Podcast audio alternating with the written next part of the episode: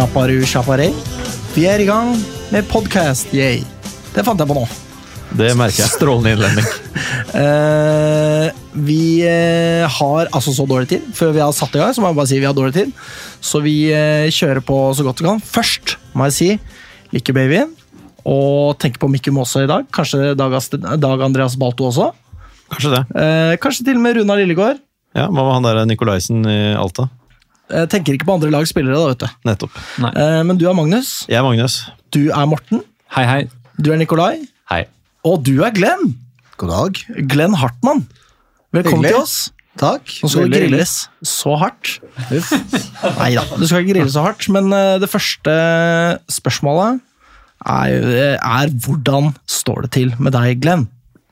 Den er tøff. Den er Kan stor. svare alt mellom himmel og jord, da. Ja, nei, men da svarer jeg at det er bra. Det er bra med meg.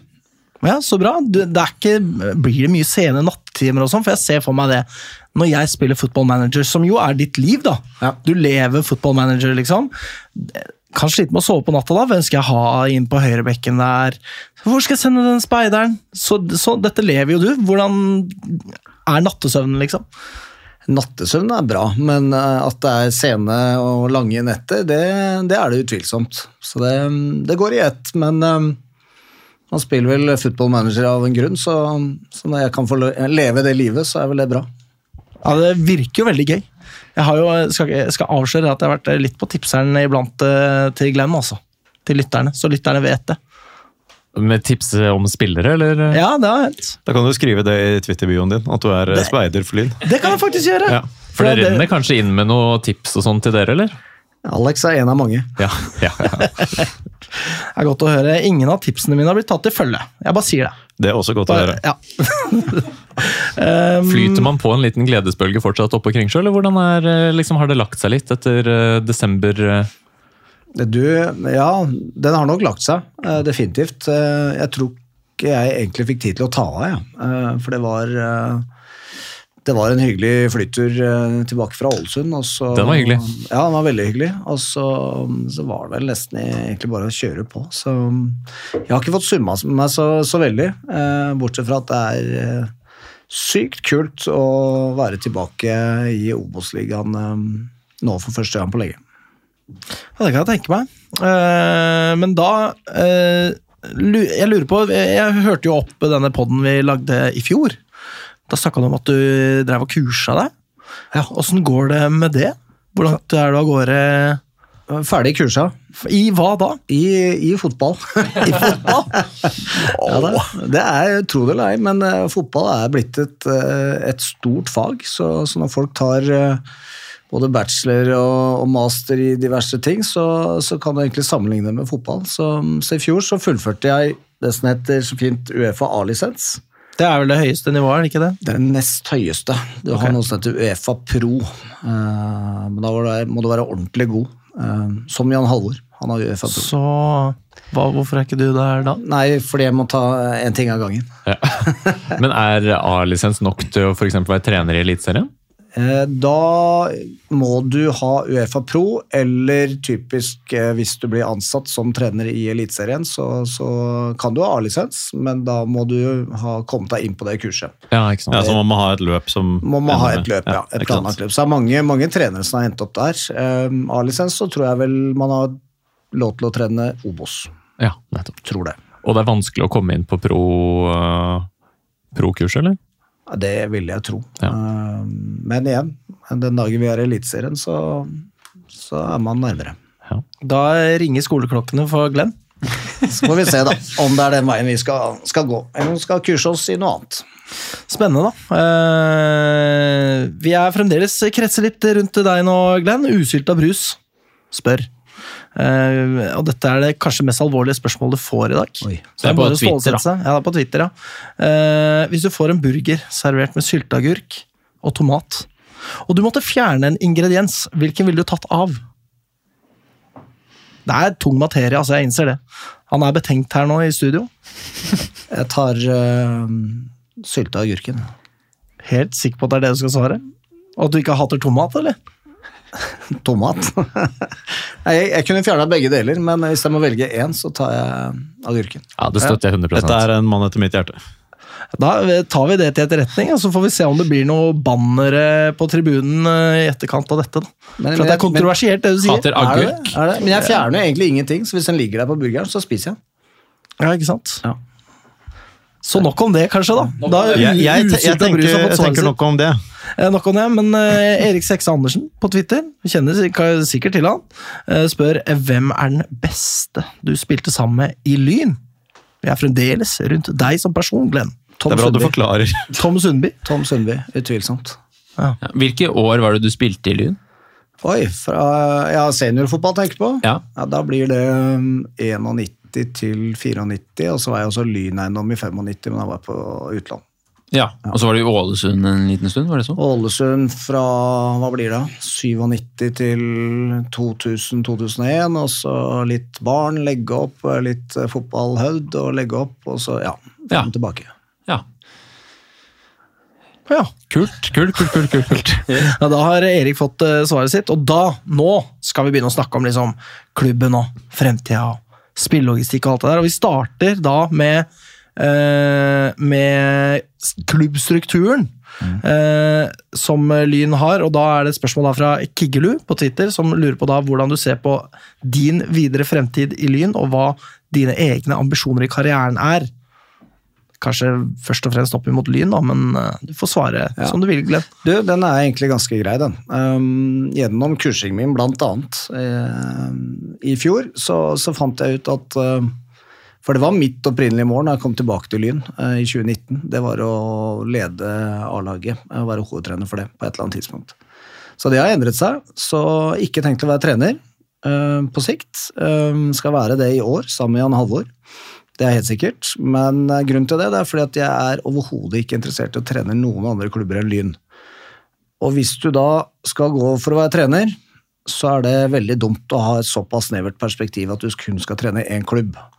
For det kommer nok til å Ja, etter om det er seks måneder eller ett år eller, eller tre år, avhengig av hvordan det går, så, så, så blir det på en måte historie. Eh, og da må man gå videre. Og hvis du ikke har lyst til å trene andre klubber, så blir det en veldig kort karriere som, som trener. Bortkasta kurs, da, kan man kanskje si. Eh, Ja, og så er det alltid fint å ha litt fotballfaglig påfyll, selv som, eh, som sportssjef. Så, så min, eh, min karriere, kall det gjerne det, det som, som er min plan, det er um, sportssjef, uh, Lyn, Um, ambisjoner, eliteserie og vel så det. Og kan jeg bare spørre, er det da tenkt at etter i år ønsker å tre mer inn, altså som fullt og helt fokus på sportssjefrollen? Ja, i utgangspunktet så er det det. Og så er det alltid ting som kan, kan skje. Um, både jeg og Jan Halvor har jo da vår trenerkontrakt går ut 2024. Og så er jo det, og det håper jeg ikke vi skal liksom dykke for langt inn på her i dag, men så er jo det også en, en, en ting som må ses på nå i 2024. ikke sant? Hvordan skal uh, trenerteamet 2025 se ut? Uh, er det med Jan Halvor? Er det uten Jan Halvor? Er det med meg? Er det Jan Halvor uten meg? Og så videre. Så, mm, så er det mange ting som skal tas tak i i løpet av, løpet av året. Men dere som enhet består ut denne sesongen, er det sånn å forstå? Stemmer. Riktig. Det er interessant, altså. Um, fordi eh, det er litt relatert til det her, da. Dilleren spør eh, kommer det noen flere inn i støtteapparat, administrasjon. Er det nok folk på kontoret og rundt laget? Da har vi jo fått besvart dette med assistenttrenerspørsmålet, men eh, hva med utover det? Eh, Utover det, altså, det kommer aldri nok folk inn. Altså, vi er jo alltid konstant uh, underbemanna, men hvilken bedrift er ikke det, liksom? Du har jo alltid mangel på ressurser. Men, uh, men det kommer inn, ja. Så, så Antonis Veras, som har vært i klubben i noen år, som eh, hadde juniorlaget i fjor og var uh, kampansvarlig for Lyn 2, han er jo nå tatt inn i trenerteamet på A-laget. Ok, Så han har da en rolle hvor vi skal, um, skal spesielt um, bli bedre, eller gjøre mer av dette med videoanalyse. Eh, Og spesielt da på individnivå, sånn at vi skal utvikle spillerne våre og relasjoner mellom spillerne våre. Det er liksom der vi skal ta et steg. Så der, eh, der blir det mye mer av det, og da trenger det tar tid. Det, fordi av dere som har drevet og klippet og limt med, med noen videoer og sånn, så tar sånne ting eh, veldig mye tid. Å legge på noe enda mer sånn fancy greier med animasjoner og fart og antall meter mellom disse forskjellige, så, så, så er det tidkrevende. Så der gjør Antonis en kjempejobb allerede. Og det kommer spillerne våre til å dra nytte av. Um, I tillegg så skal han også være en bro mellom det vi kaller i dag U21, eller ta, ta juniorspillerne, de beste der. Sånn at vi hele tiden um, får fulgt opp de, uh, og, og, har et bra utviklingsløp på de også. Han har jo samme liksom, kurve som deg, han har omtrent. Ja, han, uh, han, har hatt en fin kurve, han uh, har det. Men Antonis kjempeflink og veldig veldig glad i Lyn og står på og jobber som bare det. Mm. Og Kommer det da inn noen nye som kampansvarlig for andre laget? Nei, det blir Antonis ja, fortsatt. Nettopp. Og så er det jo en spillerutvikler som har kommet inn. Husker ikke navnet i farta, men jeg husker at han var på Fifa 2009. Da kunne man bruke han som juniorspiss for Lyn. Rinne? Rinne. Ja, ja. ja. Men da er vi inne på noe spennende. Ja. For dette er en helt annen side av A-laget, sånn sett. Men dette handler om klubb, det handler om bygging av klubb. Så, så vi har takket ja til dette er ganske komplekst, egentlig, men som en del av norsk toppfotball så får man muligheten til å bli med i det som heter akademiklassifisering. Det man ser utad, det som er veldig sånn lett for en spiller å på en måte tenke i Lyn, er at ja, men nå får vi tilgang til det som heter nasjonale arenaer. Så vårt U17-lag skal plutselig spille mot Bodø-Glimt, Sarpsborg, Rosenborg, ikke vet jeg. Jeg husker ikke terminlista nå men å møte gode, gode lag i Obos og Eliteserien. Dette er jo et steg opp i seg selv. Dette er mer stas, dette er mer moro, og man får litt andre referanser. Men så har vi da ansatt Jonathan Rinne 100 i, som utviklingsleder i klubben, og det er ungdomsavdelingen. G13 til G19. Og der skal jo vi eh, nå bygge klubben fremover, eh, som han skal da lede. Eh, sammen med meg. Også, og Det er et utrolig spennende løp, og det som skjer på baksiden der Alt det vi må uh, få på plass av planverk og, uh, og rett og slett få disse prosessene på plass. Hvordan vi skal trene, hvordan dette skal være rød tråd fra A til Å, hvordan vi skal jobbe med spillerutvikling på ungdommene våre fra de er 13 og oppover. Uh, kjempegøy, kjempekrevende koster penger, så klubben investerer også en del i det. Og så skal vi bli et uh, godt, gammelt Lyn hvor det ja, popper ut talenter løpende, og vi slipper å miste dem. Ja, fordi du er jo Nå hopper du videre i programmet for meg. Det er så fantastisk, Glenn. Det er nesten som du har fått sett på disse notatene på forhånd. Det har du faktisk ikke, så imponerende. Men uh, vi har da altså denne ak akademiklassifiseringen som du er inne på. Hva, uh, utover hva du har nevnt nå, er det noe mer ved det som uh, ikke er nevnt? Nei, altså strategisk, da. Og dette her um, Vi jobber jo med en, en, ny strategi i klubben nå. Uh, så, så der er jo en del, det er en del av den strategien. Så dette blir en av de viktigste bena for Lyn å stå på i fremtiden. Så det arbeidet som vi skal gjøre der de neste fire-fem årene, um, det skal jo være det som bl.a. driver klubben fremover uh, de neste 15-20 og, og lenger enn det. Så dette her handler også om økonomi. Det handler om å utvikle spillere, ta vare på spillere. Men det handler selvfølgelig også om en forretningsmodell som gjør at du utvikler og tjener penger på, på spillerne dine. Enten så går de opp til A-laget, eller så passer, passerer de forbi. Eller kanskje de må et steg til siden til en annen klubb, og så skyter de fart der. Og så har man da utviklet disse spillerne i, i tidlig alder, som gjør at det da drypper på, på Lyn som klubb. Og det er jo der økonomien i dagens fotball ligger. Det handler om kjøp og salg. Vi så jo nå også en, eh, en lyngutt som eh, skulle på G15-landslagssamling. Det var vel en uke fra Jonathan Rinne ble eh, annonsert inn. Jobber fort han der, til, Ja, jobber veldig fort. til Viljar Sveidungardhus. Ble tatt ut på G15 Future mm. og noe treningsleir. og det er klart at Får, man til, får vi sånne nyheter jevnlig, så vil jo det kaste av seg etter noen år. det her. Og, ja.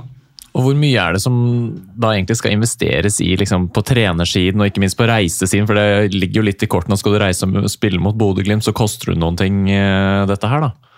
Ja, det koster. Uh, først og fremst så handler det om at uh, ja, du får sånne stjerner da, i dette akademiklassifiseringen, sånn som skjer rundt november-ish, som man blir vurdert på. Så nå, så nå er jo vi i startfasen, så nå er det jo da å prøve å jakte den første, eh, første stjerna. Og da kreves det at vi bl.a. har en utviklingsleder eh, på plass, eh, som egentlig kravet er 50 Der har vi ansatt Jonathan i 100, for vi mener at det, det kreves en 100 %-stilling i det. Og så kreves det at du har noen trenere som også må oppta på, på minimum 50 %-stillinger. Så det krever norsk toppfotball også. Ved å kreve det, så må vi investere penger i det, men samtidig så får vi de ressursene som gjør at vi kan bygge disse tingene her. Når det kommer til reiser og den type ting, så er det litt annerledes, eh, med litt smart planlegging, for der er det subsidier fra norsk toppfotball. Så gjør man det i tide, på en god måte, så eh, ja, det koster penger, men, men eh, vi, vi går ikke, blir ikke blakka av den grunn. Så det er ikke der investeringen står. Det er på menneskelige ressurs, ressurser, først og fremst. Kan jeg, Ja. kan jeg spørre sånn, i forlengelsen av det så, så har vi jo noen av oss registrert at uh, en daglig leder i Heming og sånn har vært ute og, og vært noe misfornøyd da, med, med, uh, med at de har mista så og så mange unge gutter da, til bl.a. Lyn. Er det, kan man si at det å, det å finne nye talenter i andre klubber, er det en del av denne nye liksom, satsingen på, på å, å bygge opp uh, egne talenter i klubben? Er det en sammenheng der, liksom? At det skjer nå samtidig som at eh, han er ny i klubben, og at vi prøver å hente inn andre 15-16-åringer som skal være med å bygge opp en junioravdeling? Um, nei, det er ikke det. Jeg har, um, jeg har registrert det som uh, står der, hva som er blitt skrevet. Og det er alltid flere sider av en sak. Det er vel litt jeg har lyst til å uttale meg om det er sånn. Så um, her er det en gjeng som har valgt å oppsøke Lyn og hatt et ønske om å komme til Lyn, og det har ikke vært noe proaktivt fra Lyn sin side. Så ja, eh, nok om det, tenker jeg. Men det er kanskje til å, å, å merke, skulle man jo anta at etter hvert som Lyn blir en mer attraktiv klubb, at det i alle aldersledd eh, blir mer interessant å være i klubben.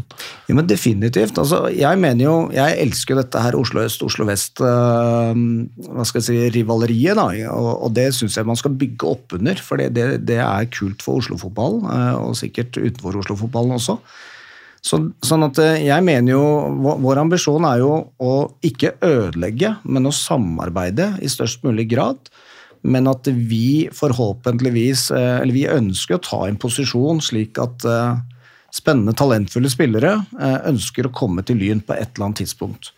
Men at vi skal drive og, og hente fem, seks, åtte tolvåringer, 13-åringer i en annen klubb eh, i Oslo vest, eh, det kommer vi ikke til å gjøre. Men, men hospitering over tid, og så kanskje en eller annen transaksjon skjer naturlig, det er jo det som vi ønsker. Men at vi kommer til å hente en og annen spiller fra tid til annen, det, det ja, definitivt. Men ehm, apropos juniorlaget, da. Hvordan eh, ser det ut i junioravdelingen per nå? Er det sånn at det er, liksom, er det noen årganger som er spesielt gode? Er det noen talenter vi må se opp for, eller, altså, eller noen som kan ventes å ta steget opp i løpet av kort tid? Ikke i løpet av kort tid, tror jeg. Um, Det er Salem og, Salim og Brage og Ja, det er, de Isak. som, det er de som er der. Salim, Brage og Isak de er de som ligger lengst fremme. Og så, er det noen spennende 07-ere, tror jeg. Uh, går litt surr i disse årgangene av og til, men 07-ere som da blir 17 i år. Uh, der er det også noen spennende spillere, men de trenger litt mer tid på seg. Ikke sant. Eh, og hva skjer da med Lyn 2, lurer jeg litt på. Eh, du nevnte jo det i fjor, at eh, ja, går vi opp til Obos en vakker dag i fremtiden, da må vi også få opp andre laget. Hva, hva tenker du nå? Du, jeg tenker at vi definitivt bør ha Lyn 2 oppe i tredjedivisjon, men det kommer ikke til å være noe prioritert i 2024 å få til det. Eh, skjer det? Ja, fint. Jeg tror vi er en ganske gunstig avdeling. Det er slik det ser ut som, i hvert fall. Eh, men, eh, men vi er nødt til å prioritere A-laget, sånn at A-laget har best mulig treningssykluser med de spillerne vi trenger for å få til det. For vi har ett hovedmål eh, i 2024, og det er å spille i Obos i 2025. Eh, det er det aller viktigste. Og hvis vi begynner å prioritere spillere ned til enkeltkamper til Lyn 2 for at det skal gå opp, så kan du få skader, og så kan du få dårligere treninger, for vi får ikke øvd på det vi skal øve på. Og da kan det også medføre dårligere resultater for, eh, for A-laget, og det risikerer vi ikke første året i Obos. Det er fornuftig, og også rent økonomisk. Forskjellen på fjerde og tredjedivisjon er vel ganske enorm der. Spesielt hvis du havner i en sånn eh, vestlandsavdeling eller- nordlandsavdeling. Ja. Og det kan jo fort skje. Det kan helt sikkert skje. Ja, da andre lagene prioriteres jo heller ikke i så måte. De Nei, nei, nei. andre lag til, eh, til førstedivisjonslag blir jo gjerne kan jo gjerne bli sendt på langturer også. Nei, så Det er jo et spørsmål rent økonomisk om klubben har råd til å ha et andrelag i, i tredje divisjon. Helt klart, og, og det har vi ikke diskutert egentlig. Vi vet bare fra sportslig ståsted så må vi på et eller annet tidspunkt flytte Lyn 2 opp fra fjerde til tredje divisjon. Det er vi nødt til å gjøre. Men, men skulle den problems... Altså, vi går jo alltid på fotballbanen for å vinne. Og skulle det bli veldig positivt for Lyn 2 i fjerde divisjon, og vi ligger an, eller vi, vi rykker opp, ja vel, så, så rykker vi opp, og så får vi ta konsekvensen og finne løsninger også økonomisk. Men, men um, det blir ikke det blir ikke prioritert mål om å få det til. Det legges ikke noe, noe løp for å få det til, Nei. eller prioriteres ut fra det, men skjer det, så, så skjer det. Korrekt. Men hvem er det vi skal bruke på dette nivået, da? Fordi jeg tenker jo eh, Kanskje ikke helt ideell matching for eh, spillere som skal ut og prestere i Obos-ligaen, fordi avstanden her er jo mye større enn i fjor. Så hvem ser vi på dette laget? Eh, Typisk. eh, Det heter jo U21, da, det, det som ligger unna A-laget. Så, så det er de som primært skal uh, serve denne arenaen. Og så er det jo klart at av og til så må jo de som ikke spiller eller får nok minutter på A-laget, de er nødt til å få kamptrening. Og selv om kamptilbudet ikke er så godt som det burde vært, så er det bedre enn å ikke spille kamp i det hele tatt. Så, så at det blir A-lagsspillere der også fra tid til annen, det, det blir det garantert. Nemlig, Hadde du eh, vært ansatt i Vålerenga nå, så hadde jeg vært så sur, jeg. Men uh, siden det er Lyn, så er det ikke noe problem. Bare, ja, jeg bare, denne andrelagsproblematikken. Riktig. Ja, ja, men det er en egen debatt i seg selv. ikke sant? Det det. Så spørs det hvordan man utnytter dette her også, da. Um, eh, lurer litt på hvordan eh, er statusen til Lyns akademi per nå? Det er jo lett å sammenligne Lyn uh, sånn gitt nivået vårt opp mot Skeid og Grorud. Da. Vil du si at vi er lenger frem i løypa enn dem? Gjør vi noen ting de ikke gjør? Har de tapt seg kanskje fordi at de har rykka ned osv.? Vanskelig spørsmål, egentlig. Jeg, jeg tror vi er ganske likt. Eh, fordi vi ikke har vært en del av norsk toppfotball. Skeid har nå gått ut av det. Grorud gikk vel ut av det året før der. Sånn at eh, jeg tror vel vi står ganske sånn greit i forhold til de. Eh, men det er mye positivt som skjer. Så igjen opprykk, engasjement og igjen akademiklassifisering i nasjonale serier. Vi merker at det, det, det er mye positivitet. Eh, Og så skal jo da nevnte Jonathan eh, sørge for at dette her blir eh, skikkelig profesjonelt lagt, i, lagt til rette for. Så, så løpet begynner egentlig nå. Um, så la oss si at vi er litt sånn status quo i forhold til de nærmeste Oslo-klubbene, da. Men um, det har vi tenkt å gjøre noe med. Ja, det eh, virker som det er god gass eh, den eh, veien, men Og det går, jo også, det går jo på sett og vis også litt av seg selv hvis man holder seg som Oslos beste, nest beste, tredje beste lag over en god del år. Da. Og vi utviser en viss stabilitet. Og vi er jo også På Oslo vest så er jo vi Det er jo ingenting å diskutere om at Lyn er Oslo vests beste lag nå. Eh, vi er det laget som ligger øverst i systemet på Oslo vest. Du må utenfor eh, må over Lysakerelva eller over Akerselva for å finne, finne noe Mm. som er på samme nivå eller, eller bedre. Og det er klart over tid så vil jo det ja, det, er, det er noen hundre tusen da, som bor innenfor Lynland, og det er i området hvor Lyn er det beste laget. Og så bare lurer jeg på, eh, Lyn har jo tidligere hatt et samarbeid med NTG, og så vet jeg at det vært samarbeid med Vang. Er det noen, eh, noen planer rundt den type sånn skolesamarbeid? Ja, eh, vi, har, vi har en avtale med, med Vang som, som ligger der, som har vært lite brukt. Og når jeg sier lite brukt, så er det fordi at de, vi har hatt en utfordring i, i Lyn med at de, de beste de har forsvunnet når de er 13 og 14. Um, så derfor har vi heller ikke hatt spillere inn på Vang, fordi vi har ikke hatt kvaliteten. Men nå begynner de tingene der å endre seg, så det er ikke mer enn en ja, uke, ni dager siden, som jeg var i møte med Vang. Uh, og i går var uh, Vang ung og presenterte seg selv på foreldremøtet til uh, G2011. Så, så der kommer det også til å skje saker og ting. Veldig bra. Um, med tanke på nivå, Litt tilbake til dette med andrelaget. Med tanke på nivået man da har der i fjerdedivisjon, er det øh, aktuelt å låne ut spillere til andre- og tredjedivisjonsklubber, kanskje? For å få den matchingen som man kanskje ikke får da i fjerde? Absolutt. Um, det, eller det kan det være. Vi, vi, får se. Men Vi har ikke noen sånn konkret plan. Men det er jo klart at hvis det er enkelte spillere som, uh, som er litt for langt unna spilletiden på, på A-laget eh, i en viss alder, så er det jo definitivt noe vi må se på. Eh, vi har noen spennende spillere som eh, har kontrakt også godt stykke ut i 2025, eller slutten av 2025. Og de, de, er jo på en utviklingsreise, og det må vi som klubb sørge for at vi tar eh, ansvar for og, og hjelper dem med. Så da kan utlån potensielt være en ting.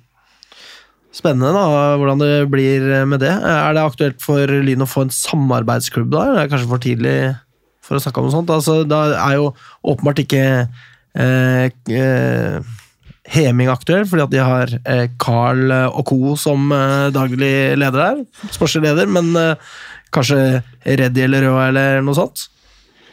Det er vel allerede noe samarbeid med Røa, er det ikke det? På et eller annet vis? Ja, vi, vi, eller, vi diskuterer nå, men det er mer, mer litt nede i ungdomsfotballen. Eh, at vi ønsker å ha samarbeid i forhold til hospitering. Men når det gjelder eh, typisk utlån, la oss si tredjedivisjon, så, så er det ikke noe konkret som foreligger. Men, eh, men uh, ja, det, Om det er formelt eller uformelt, det spiller for så vidt ikke noen rolle. Det, vi finner nok eh, noen gode tradisjonsklubber hvis, eh, hvis, vi trenger det til å låne ut noen spillere. Bare det at du også sier at uh, altså uavhengig av om det formaliseres eller ei, bare å, å høre deg si det på den måten altså, det, det, ligger under her at nå er vi storebror i ganske mange relasjoner hvor vi har vært sånn Egentlig er vi den største klubben, men det gjenspeiles ikke i divisjonssystemet. Nå er vi der igjen, nå sammenfaller mitt inntrykk eh, og min følelse av hva Lyn er, og hva Lyn faktisk er, i langt større grad enn før. Og det er altså så jævlig deilig. Det må jeg bare si. På tide. Ja. Det fortjener vi. Eh, må bare si det at uh, Man har jo en Ulrik Rygg med freda draktnummer i Reddy, og det fins vel kanskje noen veksler å dra på der, muligens? Dette er ja. Alex som tipser Lyn om Jeg tipser igjen, ja. ja. Du vil ha Reddy opp, eller? Uh, nei, ja, altså, vi kan være venner med Reddy, da. ikke sant? Ja, da, nei, men Vi er venner med Reddy, absolutt. Vi liker å være venner med, egentlig med alle, så vi skal absolutt prøve å oppføre oss. Uh, det tror jeg er viktig, som, som en ja, ja. storebror. da, At vi, vi, er en bra storebror. Men, uh, men Reddy, ja, og der har det gått et par spillere fra juniorlaget nå. Som jeg syns er helt riktig at det tar det steget og prøver seg i en, i en voksenklubb. Eh, i tredjedivisjon for å få kjenne litt på det. Og der, der, er jo mangelen vi har da i dag, ved at vi ikke har et eh, annet lag i tredjedivisjon. Og da må vi eh, slippe spillere og være rause på det og sørge for at de får en bra reise. Nemlig. Vi skal litt videre. Kanskje vi skal ha en vignett, da, Morten, siden du ønska det så innmari? Jeg heter Josefine Birkelund, og dette er Vestkanttribunalet. Og der hadde vi vignetten til Morten. Jeg Elsker faktisk, vignetter. Ja, jeg tror det, tror det er ny en, faktisk. En helt Dette vet ikke dere om, gutta. Jeg hadde skaffa en uh, ny en. Ja? Faktisk. Det blir spennende å se. Dere får lytte opp, da, for en gangs skyld. Uh, men vi er over på mer sånn spillerlogistikk. Uh, og da lurer jeg på om du kan si noe om vektingen av ekstern rekruttering og internt opprykk. Hvor ligger den akkurat i dag? For å styrke A-laget, liksom. Ja, men, men det, det, henger jo sammen med hvordan uh, ungdomsavdelingen eller juniorlaget ser ut. da, ikke sant? Og, og den er ikke uh, den, er, uh, den er en bra stadie nå, hvor det er en del unge, men de er litt for unge fortsatt. Og så har vi flytta de som er flyttbare. Så er det et par til som det går an å, som vi ser på og, og snakker om. Men det er klart, klubben har jo tatt sportslig enda et nivå, liksom. Så det er helt sinnssykt at vi har gjort det på to år. Så, så, det er klart at vi, vi, må kalle en spade for en spade. Det er, det er ikke bare bare å spille i Obos-fotball eh, i Obos-ligaen. Så vi må sørge for å være rusta for å tåle det. Og da er nok det primært med å hente litt utenfra. utenifra. Um, og så har vi som sagt noen spennende unge spillere allerede som er plukka opp. Nemlig. Um, uh, Sjåtil, Håkon Sjåtil, han drar jo videre fra Han drar fra Lyn for å studere i Bergen. Plutselig så er han solgt til KBK fra Åsane for en eh, million kroner. Hvordan føles det for deg, Glenn? Fordi jeg syns det er så bittert. Ja, ehm, så er det jo sånn, sånn livet er noen ganger. da, Når vi spiller i tredjedivisjon, og Håkon var jo en del av A-laget på, på den tiden der, og tror han var, eh, spilte fast en, i hvert fall, en god del av kampene. Så jeg synes jo det bare er Så at han velger da studier og reiser til Bergen og oppsøker lykken i Åsane, og så, og så bare fortsetter han å utvikle seg. Jeg, vi må jo bare synes det er eh, veldig veldig morsomt at det er lynspillere som tar de stegene. Um, så får vi se. Kanskje Showtil kommer tilbake, og så er det en annen Showtil også i klubben. Neste, neste Sjåtil har jo ikke de samme insentivene for å slutte i Lyn for å begynne å studere i stedet. Dobbelt så bra showtil har jeg hørt om. Eller har jeg hørt rykter om? Ja, nettopp. Verdens beste showtil, kanskje. Verdens beste Sjåtil. Håper det, i hvert fall. Drypper det noe som helst på Lyn i, av den overgangen til KBK? Ja, nå er vel en sitter egentlig Bjørn med, sånn sett, eh, fra gammelt av. Så, Men ja, det er mitt inntrykk at det skal gjøre det, men eh, litt usikker på størrelsesorden. Utover utdanningskompensasjon også, eller? Ja, Nemlig. Det er jo bra, tross alt. det alt. er veldig bra. Det er nødvendig, det. Ehm, men eh, eh, et spørsmål om hvilke tanker du gjør rundt videresalgspotensialet når du henter spillere. Jeg har uh, snakka med en eh, ja, fotballekspert, har noen kalt han. Skal ikke nevne navn. Eh, han skal få lov til å være anonym, men han mener at det er liksom for lite videresalgspotensial hos de spillerne som hentes til Lyn. Hva tenker du om det? Fordi det, det er noe med alderen her. at eh, Johansen er jo 28, og så har vi Berntsen på 24 og Sjøl på 23. Er, kan vi få solgt disse gutta her, liksom? Eller Jeg synes Det er herlig med alle de ekspertene. da. Jeg, Jeg, jeg, er jo, jeg, prøver, jeg skriver ikke så mye, for jeg er litt sånn dårlig på det. men jeg skal kanskje holde meg litt unna, men, men jeg ser jo mange Twitter-meldinger. og Det er mye, mye interessant eh, av disse ekspertene som blir skrevet innpå inn på X, er det det det heter? Mm. ja. Så mm, Ja, altså Men igjen, da. Hvor er vi nå? Ja, Mathias Johansen, 28. Hvis man ser sånn sett på det, så, så er det klart at det, det er ikke det største videresalgspotensialet i han. Samtidig så blir det solgt eh, spillere på 28 år også, men det er ikke derfor han er henta til klubben. Han er, han er henta for at vi skal sørge for å, å være robuste nok til å stå og spille i Obos i 2025. Det er det aller, aller viktigste på kort sikt. Og så skal disse tingene her bygges over tid. Uh, Jørgen sjøl er en spiller som definitivt det er videresalgspotensial i.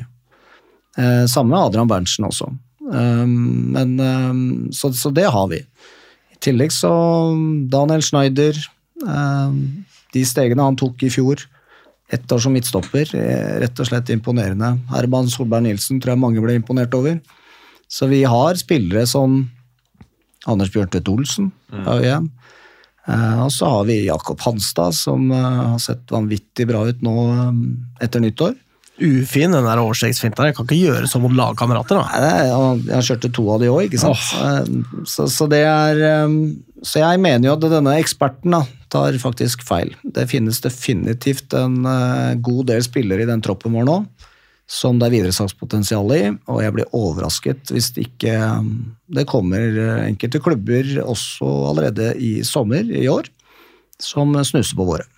Jeg må jo si det, jeg researcha jo litt grann på Jeg så på alle overgangene i eh, Obos-ligaen. Eh, som man kan se på som sånn type pengegenereringsoverganger. da. Så så jeg på alderen til de spillerne, og det er jo det alderssjiktet der. Altså Det er noen som er veldig unge, som går til type Molde og de beste klubbene fordi at de er supertalenter. Og så er det de som er et par år over, som har vist at de kan levere i Obos, og som da tar steget opp til Eliteserien. Og da snakker vi 23, 24, 25. Og det, der er jo de gutta. Så da ble jeg ble litt overraska. Jeg tenkte at det var 20, 22, 21 alle sammen, men det er, er jo ikke sånn. Nei, Det er de man hører om, ikke for det er liksom han, Hva het han for noe? Granås, var det det? Mjøndalen. 17 år, spiller der, eh, gjør det bra i Obos-ligaen.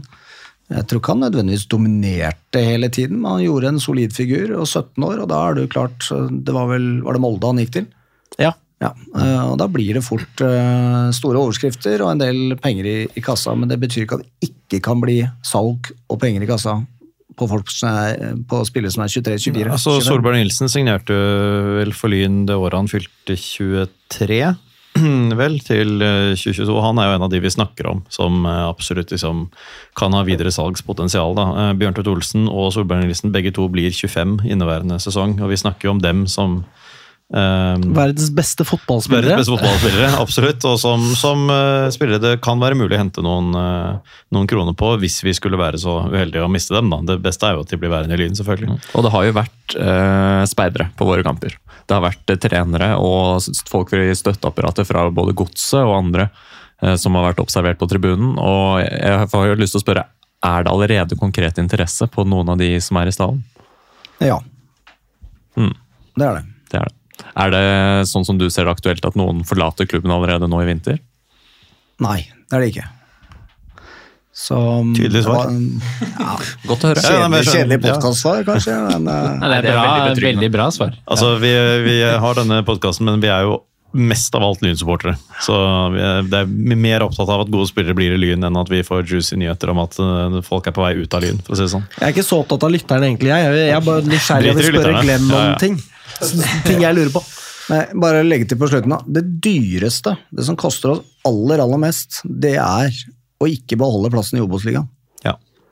Som i dag har en gjeng med snittalder på 27, eh, bare som et eksempel. Så, og vi holder oss, så er det bedre enn å rykke ned med en gjeng med 20-åringer og få solgt én spiller. Og er du 27, så har du jo en god del eh, år igjen før det går nedover. Og som du sier, så er, det jo, er man jo i en sånn situasjon nå hvor man har eh, en del talenter i eh, akademiet i yngres avdeling som det kanskje er litt tidlig for. Men det er jo ikke litt tidlig for dem om to, tre, fire år heller. Eh, vi henter jo ikke gamle spillere som vi ikke kan bruke de kommende sesongene heller. da. Eh, Men det er klart, altså videresalgsmessig så har jo, dette, har jo dette noe å si, men for det sportslige nivået, for det å eh, være der når disse som i dag kanskje er 14, 15, 16, 17 eh, kan ta steget opp, det er jo disse spillerne mer enn i stand til, da, aldersmessig. Jepp. Ehm, litt sånn tanker om uh, disse Nei, Skulle du si noe, Nikolai? Nei, det var kanskje i stad? Eh, nei, men jeg kan godt slenge en liten til. Gjør det. Eh, om det er eh, noe aktivitet på vei inn, eh, sånn som ting står seg nå. Ja, det er det. Det er det. Det er, eh, det er ting på vei inn, ja. Mm. Eller flere? Her tenkes det. Ja, det Én, kanskje flere? Ja, ja det, det var bra svar. Ja. En, kanskje flere. Jeg tar den. Fordi vi har jo Mikkel Tveiten eh, som skal testes ut eh, februar der, og så er det Alexander Rønning Olsen der som har blitt observert eh, på feltet. Er det noen utover disse to, eller snakker vi om disse to da? Det spørs om du tar med Kristiansen eller ikke, da. Ja. Ja, Henrik ikke sant? Loholt Ja, ja, ja, ja, han er jo også med. Stemmer det, han, Han der, er, han er det. Så da er det Det husker han. Jeg husker han faktisk veldig godt.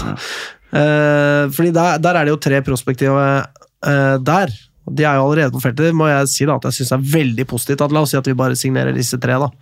Så har vi jo da hatt La oss si at vi bare signerer disse tre. ja, ja, men uh, at det er de som kommer inn, da. Så, så har vi da brukt god tid på å få de inn i det vi skal drive med, fordi at de allerede er på feltet. Og Det er jo utrolig positivt. At det, se på Vålerenga nå, hvor mange har de på trening? 16 stykker. Og på et punkt må de jo spille seg sammen, da, alle disse nye spillerne de, de hypotetisk sett skal hente. Det problemet har ikke vi. Vi er good to go på sesongstart. Ja, det, ja, absolutt. Det er vi. Og så skjer det jo skader. Eh, Vi har jo også noen skader nå. Ibba måtte gå av i, i Valdres. Uh, fått en liten eh, ruptur, som det heter så fint på fagspråket. Men uh, strekk i leddbåndet. Um, så han Lenge ut, eller? Nei, i utgangspunktet ikke, men, men det der Det må sette seg, det må gro litt. um, Så, men at det blir noen uker, det blir det nok helt sikkert. Eh, Så, så vi, vi, vi er hele tiden hva skal vi si, på ball og søker og tenker og set, stallsammensetning og dersom og hvis om alt dette her. Men vi er ganske fornøyd med å sitte her 7. februar med, med den troppen vi har. med forhåpentligvis noen på vei inn. Eh, Jeg skal ikke legge skjul på det, vi har ikke, vi har ikke signert ennå, men, men vi jeg har jo veldig god tro på at Kristiansen kommer på plass. Eh, Bra dialog med Ranheim der. Og så, og så håper vi på, på Mikkel, at det, det går fint. Vi ønsker jo det, det er en lyngutt. Og da er vi jo kommet langt. Og så skal vi selvfølgelig se an hva som skjer da når enkelte eliteserieklubber eh, stenger døra og noen detter litt utenfor. Og ikke at vi har planlagt det eller har noen konkrete i sikte, men dukker opp noe veldig spennende, så skal selvfølgelig vi være framme i skoa. Mm. Og så var det vel rykter om en liten prøvespiller også, i hvert fall en spiss uh, som kanskje hadde vært på litt sånn rundreise prøvespiller i ulike klubber. Er vi litt sånn på Er vi observante i markedet knytta til spissplass nå, med tanke på nettopp Ibbas skade og, og hans alder og historikk?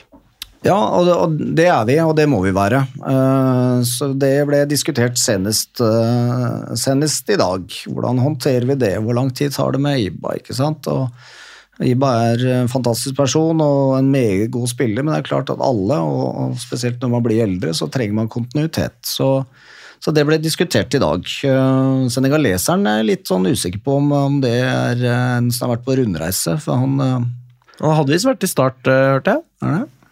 Ja, det ble sagt så. Er vi sikre på at vi snakker om samme Det kan jo være spiller? Som eh, vi vet at Start har hatt en senegalese på prøvespill, og Lyn det samme. Men om det er den samme, det vet jo ikke jeg. i hvert fall. Jeg vet det. Du vet det. Okay. Jeg er ganske sikker er, Gitt at kilden er god nok, da. Ja. Det er ikke sånn det alltid Men, er. men det spiller jo mindre rolle sånn sett. Da. Ja, ja, Så, han, Ja, eh, så han var på prøvespill eh, i noen dager hos oss, og så har vi avsluttet det nå. Um, med han.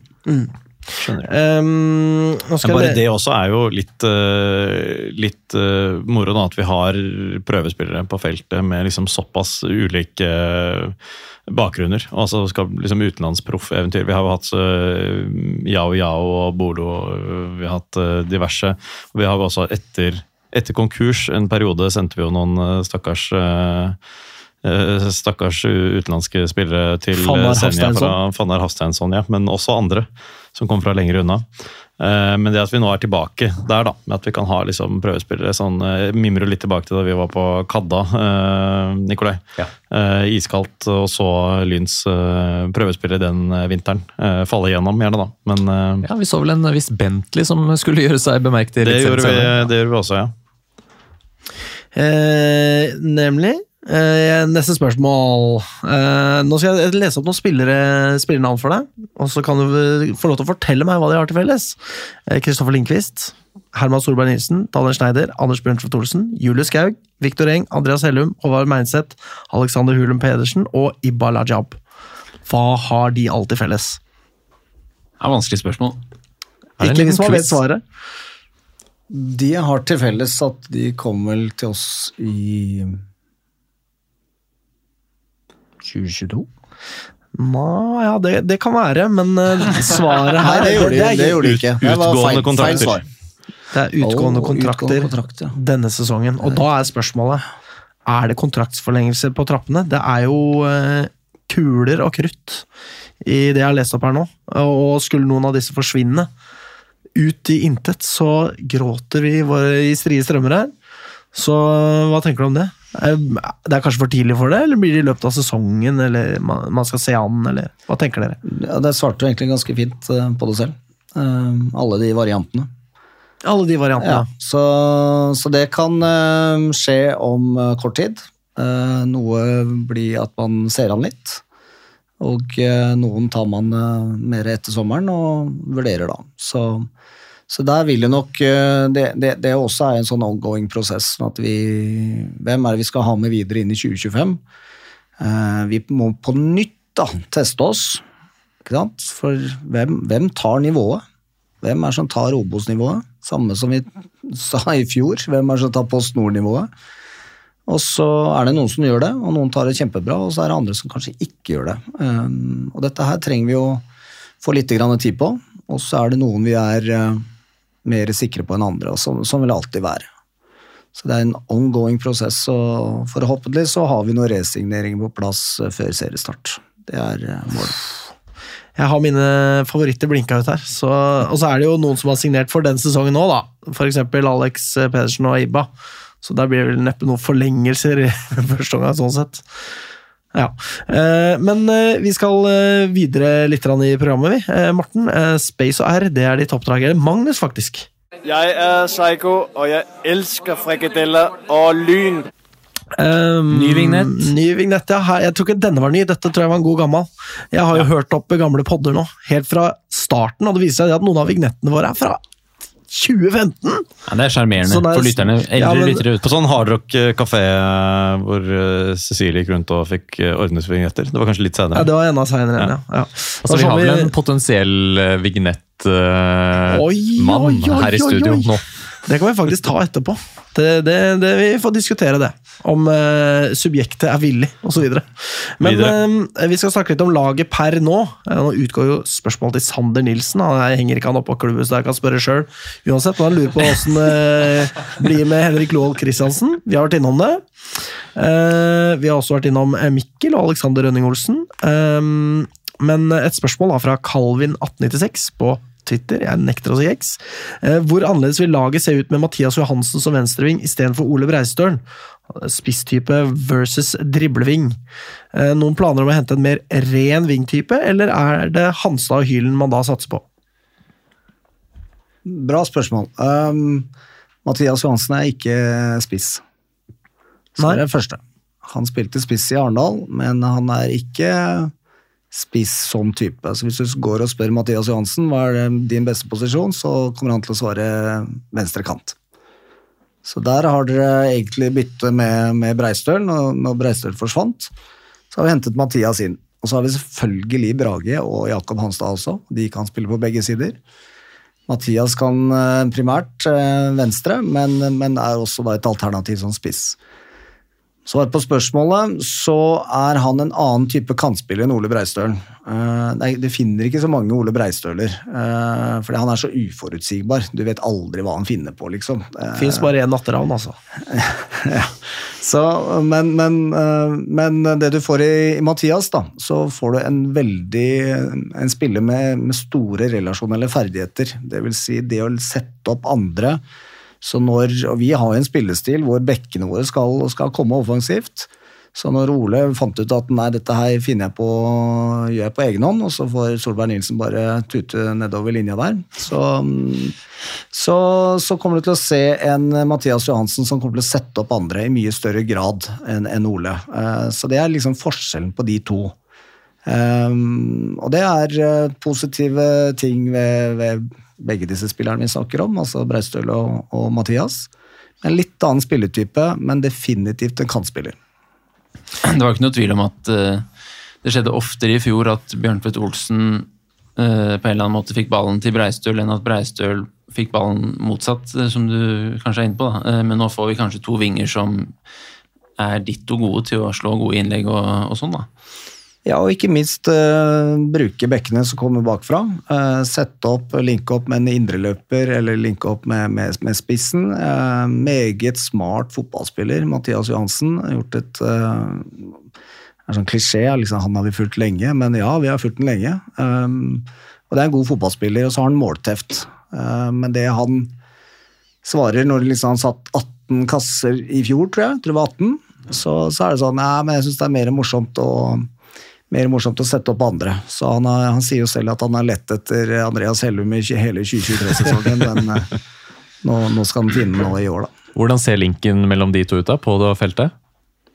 Nei, men det er bra. Det er bra samtidig som uh, vi spiller jo mer med brede kanter, da. Enn en innoverkanter. Sånn at uh, linken mellom kantspiller, indreløper og back uh, er, er, er viktigere enn linken mellom spiss og en kant. Det har noe med avstander å gjøre. Og, øh, mye vi har fått høre om Johansen nå, men øh, Mags øh, på Twitter spør kan du fortelle litt om de nye spillerne, og da dropper vi han selvfølgelig, uh, som har kommet inn. Hva gjorde at du hentet akkurat dem? Så det er vel sjøl og godeste Nå sto det helt stille for meg. Og Berntsen. Ja. Berntsen sjøl og Hva skal jeg si Tobias Myhre. Ja. Tobias Myhre, selvfølgelig. Stemmer det. Prøva litt eh, raskere, da, kanskje. Men, eh, men Berntsen eh, ekstremt god med Notodden i, i fjor. eh, spesielt vårsesongen, når Notodden var, ordentlig på hugget. Har en, har en kreativitet eh, som, som vi har manglet. Det vil si typisk den boksåpnerpasningen. Flink til å komme seg inn i boksen, så, så er en meget smart, smart fotballspiller. eh, Rett og slett, og godt, eh, god venstrefot. Og Det har også vært litt mangelvare. Vi har litt, eh, hatt litt få venstrebente spillere. Tobias Myhre, eh, også en smart fotballspiller. Eh, veldig i tråd med egentlig Lyn, og identiteten som jeg tenker skal være en del av Lyn. Men, men også definitivt Jan Halvor, dette med intensitet. Springer enormt, og springer med enorm intensitet. Samme som Loald Christiansen. Um, og så var vi på Jørgen Schjøll. Kjempesesong med Ørn i fjor. Uh, var definitivt en av de bedre bekkene i, i PostNord. Og uh, ser, ser veldig bra ut. Kommer som en kule nå, vanvittig fysikk. Eh, fordi Adrissen ikke har sett han ennå. Og har både en meget god venstrefot, selv om han er høyrebent. Høyre eller venstre bekk, eh, godeste? Venstre. Venstre, ja. Den så dere ikke komme, for den har jeg sett. Jeg eh, Det er overraskende, det er det. Mm. Fordi det Da er jo spørsmålet rundt eh, godeste Herman Solberg Nilsen. Og hvordan er dekningen på høyre bekk eh, da? Hvem er det vi har på høyre bekk, eh, bortsett fra Håvard Meinseth, tenker du, som vi kan bruke der? Linkvis sikkert, men Herman Solberg Nilsen. ok, så Ok. Den har den har jeg ikke sett. Det Nei, er, nei, nei. Her lærer vi noe nytt. Han kan, på den annen side, han kan ha hvilken posisjon han vil, Herman Solberg Nilsen, og løser det fantastisk bra. Solberg Nilsen og Bjørn Tvedt Olsen høres også ganske ålreit ut. Jeg kan tåle det. Ja. Jeg kan tåle det, faktisk. Det er viktig med, viktig med stor konkurranse. eh, For gjennom konkurranse, og dette her har vi vært flinke på, det mener jeg. eh, Vi har eh, vanvittig trøkk på treningene våre hver eneste gang. Det er ingen som kan slappe av. Så gjennom det så, så får du utvikling over tid. Så, så Herman Solberg Nilsen, mer over på en høyrebekk, sammen med, med Håvard Meinseth, som, som gjorde sakene sine veldig bra i fjor og ser, ser bra ut eh, nå i år. Eh, ta steg, han også. Og så har vi Jørgen som er da tiltenkt mer venstre. Kan selvfølgelig spille høyre, han også. Herman kan jo spille venstre, så det er mange, mange mulige kom, kombinasjoner her. Og så har vi Isak Barnett, Barnett som er 2006-modell. Er en meget spennende spiller. Han trenger enda litt mer tid, men, men han utvikler seg hele tiden. Så tatt store steg siden i, siden i fjor. Så det er liksom de fire bekkene vi har, da. Nemlig. Og Solberg Nilsen er ikke tiltenkt eh, en rolle på midten, sånn i utgangspunktet. Nei. Nei. Der har vi ganske bra med dekning. Ja. Solid dekning der, ja. Ja. Også ankerposisjon. Der eh, Det er neste spørsmål. La oss eh, gi en liten skjæra til like på Twitter, da, som spør eh, hvem er backup for Even Bydal sentralt. Er det Malvin Ingebrigtsen? Akkurat den siste slangen jeg er på, da. Nei, men det, det er ikke et dumt tips, det. Uh, Malvin er en spiller som tidligere har spilt i den posisjonen. Uh, har gjort det kjempebra i, som, som midtstopper, og er i utgangspunktet tiltenkt det. Eh, men det er vel kanskje den eneste plassen hvor vi ikke har en sånn dobbeltdekning. Da, ikke sant? At vi har to seksere. Vi har dobbelt på innerløper, bekker, kanter osv. Men ikke i sekserposisjon. Så det kan jo selvfølgelig banke bordet. eh, en liten stille en. Eh, Så, så håper vi ikke at det skjer noe med, med Even, men, men Malvin er en som vi definitivt eh, helt sikkert kommer til å prøve ut der. Um, Og eh, Adrian Berntsen er også en, eh, en god kandidat. Ikke sant? Men da blir det en litt annen type igjen eh, fort, da, eller?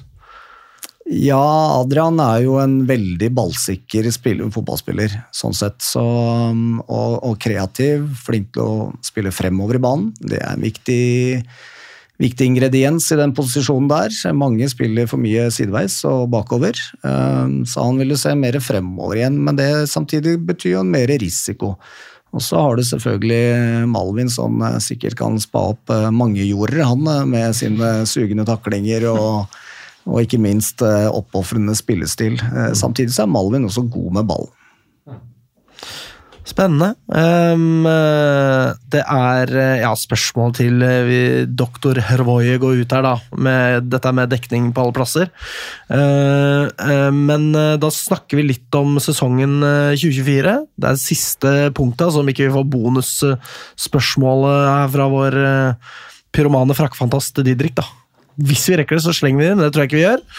Uh, Fotballanalytiker spør eh, inn mot en ny sesong med økt nivå, økt tempo, større krav til kondisjon. Hva tror du blir den største overgangen for Lyn som lag?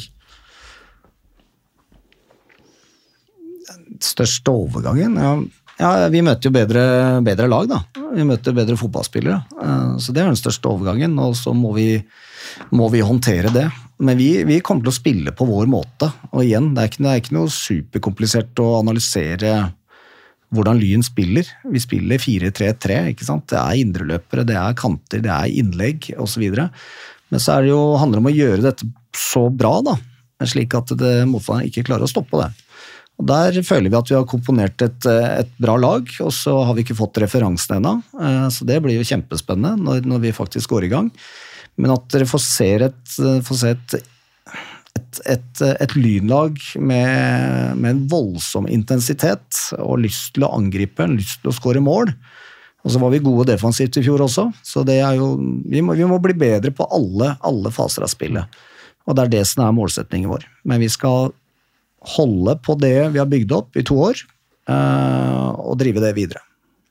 Når det gjelder det du sier om indreløpere, kantspillere som slår inn, så fikk vi jo en liten referanse på det hjemme mot Hødd i de siste 45 minuttene, hvor vi overkjørte et Obos-lag eh, med nettopp det, da, å involvere i hvert fall to indreløpere ved 3-0-skåringa før, eh, før Olsen slår inn til Breistøl, som da nikker inn 3-0. Eh, Og den omgangen der var jo klasseforskjell mellom et daværende Post Nord-lag og et daværende Obos-ligalag. Så det er jo bare å glede seg. og, et, og et nåværende Obos-lag og nåværende Post Nord-lag. Det- det er Bare korrekt. motsatt. Ja, ja. Um, Fotballanalytiker hadde et spørsmål til. Han har trenerteamet noen spesifikke områder dere prior- prioriterer å forbedre gjennom sesongen? Svart, svarte vel egentlig kanskje på det, men vi, vi er nødt til å bli bedre på alt, fordi vi møter bedre motstand, og de kommer til å være skarpere. Og, og igjen, gjør, gjør vi feil, så, så blir vi straffa. Uh, så det, det, det er en viktig del, så vi må rett og slett eh, bli bedre på alt, men vi skal forsterke det vi allerede er gode på. Eh, For det har fungert bra. Vi ser ingen grunn til å liksom snu om på dette her og plutselig bli et eh, possession-orientert lag som eh, nei, vi tar ikke den overgangen, vi spiller den tilbake, vi holder den i laget osv. Noen klubber velger det. Vi, vi har en annen filosofi rundt det. Så det skal vi eh, det skal vi bli enda bedre på i 2024. Så vi vil kjenne igjen Lyn fra det vi har sett de Dere- siste årene. Ja, dere kommer til å kjenne igjen Lyn, og, og det her er viktig, tror jeg, eh, over tid også.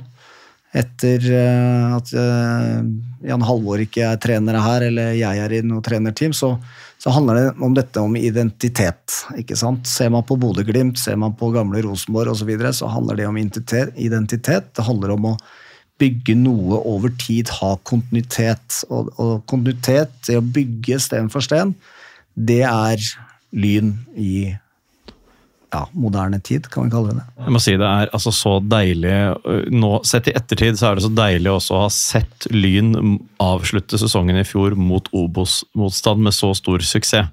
At vi ikke vinner en annendivisjonsavdeling og ikke helt vet hva som venter oss. Altså, dere har en bedre oversikt over det i klubben enn det vi har som supportere, antakelig, nivået i Obos. men men det å, å, å vite at vi slo et Obos-lag hjemme og borte, eh, det var det vi avsluttet fjorårssesongen med. Med det nivået vi hadde da, var godt nok til å slå til å i perioder eh, spille helt rundt Hødd eh, på Nadderud, og også slå dem på bortebane. Det må jeg si at gir meg en, en ro, altså fremfor at vår benchmark ut 2023-sesongen var Fram Larvik. Jeg må si at jeg klarer ikke å slutte å tenke på eh, Anders Bjørn, Bjørntvedt Olsen roter rundt eh, i angrepet der med Herman Solberg Nilsen bare dundrende opp og ned. Det er, jeg har ikke klart å slutte å tenke på det. Hva det skal bety. Hva det kan bli. Herregud, jeg gleder meg. Eh, og vi må, Og det var De har egentlig skrudd av lyset, i alle lyset går på rommene. gangen. Ja, det, Så, det er såpass, ja. Så vi må eh, calle det. Eh, Men eh, Lyn har tatt eh, store steg de siste to årene. Eh, Jeg har akkurat hørt på intervjuet vi hadde med deg i fjor, eh, Glenn, og det virker som at du har gjort også. Ikke at det var noe dårlig i fjor, men du virker flinkere og mer oppgående.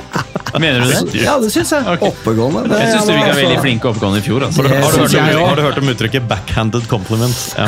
Men Det eh, var ikke ment sånn. Jeg veldig, syns, veldig eh, hyggelig at du kom hit. Ja, Det virker som om du sitter bra i rollen din, eh, og uh, du er tillitvekkende. Og uh, sesongen som kommer nå Det er ros. Ja, Takk for oss. Det er, det er utelukkende ros dette her. Vi er så klare. Vi gleder oss. Eh, og tusen takk for besøket, Glenn. takk for at jeg fikk komme. Vi snakkes, og da sier vi spør ikke hva Lyn kan gjøre for deg, spør heller hva du kan gjøre for Lyn. Takk for oss. Kom igjen, Lyn, kom igjen, Lyn, kom igjen, Lyn, kom igjen, Lyn, kom igjen, Lyn! Moderne media.